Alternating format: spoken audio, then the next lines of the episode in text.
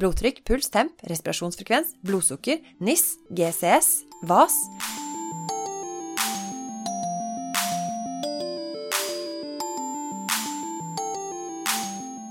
Hei, og velkommen til Sykepleiens podkast. Liv Bjørnhaug Johansen er sykepleier ved Neuromuskulær sengepost ved Drammen sykehus, og kvinnen bak sykepleiens faste spalte Liv Laga, som du her får høre i podkastversjon. Denne gangen er tittelen Tallenes svøpe. 35,7, 34,8, 36,2, 34,9, 35,4. Dette er kroppstemperaturen på mine pasienter i dag.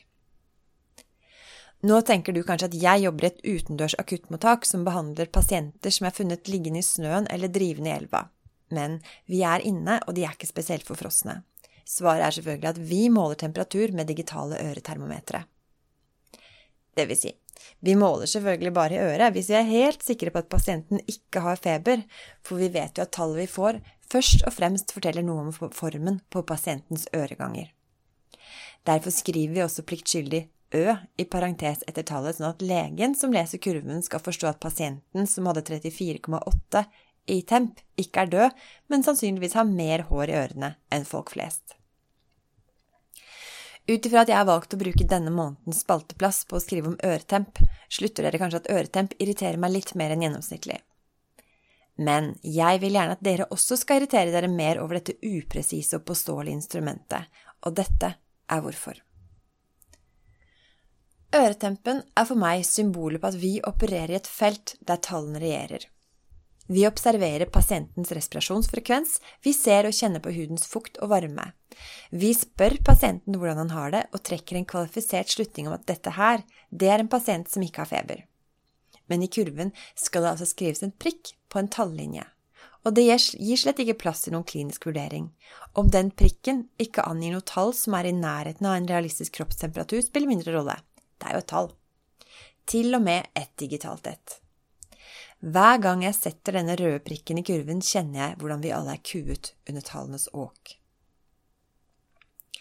Tallene var i utgangspunkt ment som et redskap, men som roboter og syborgere i sci-fi-thrillere har de tatt kontrollen over sine skapere. Er det behandling eller grønne tall som er målet med sykehusdrift? Er det sykdom og lidelse eller røde tall på laboratorieark vi behandler? Når vi blir bekymret over pasientene våre, rykker vi straks ut på jakt etter et tall utenfor referanseverdier. Blodtrykk, puls, temp, respirasjonsfrekvens, blodsukker, NIS, GCS, VAS. Ring for all del ikke legen uten objektive funn, ble vi prentet inn på sykepleierstudiet. Mens vi ble presentert for lattervekkende historier om håpløse sykepleiere som ringer legen for å fortelle at pasienten har blitt dårlig, eller at de har en vond magefølelse, uten å presentere kvantifiserbare data. Men en pasient med lav HB får ikke nok oksygen selv om metningen er 99% og en anspent og stresset pasient vil ha høyt blodtrykk om han er aldri så frisk. Og en mann med hårete ører vil alltid være hypoterm når du måler i øret. Kanskje skal vi egentlig takke øretempen for sin daglige påminnelse om tallenes underlegenhet, og la den være en påminnelse om at det er det berømte kliniske blikket som skal regjere, og tallene skal være våre ydmyke tjenere.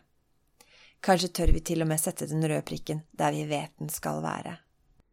Det var Liv Bjørnhaug Johansen med sin faste spalte Liv laga. Om du vil høre flere episoder av Sykepleiens podkast, så finner du alle sammen på sykepleien.no, på iTunes og på podbean.com. Om du bruker iTunes, så setter vi pris på en liten anmeldelse eller vurdering, og du kan også sende inn det du måtte ha av kommentarer og innspill til redaksjonen at sykepleien.no. Du når oss også via Sykepleiens Facebook-side eller vår Twitter-konto. Jeg heter Ingvald Bergsagel. Vi høres.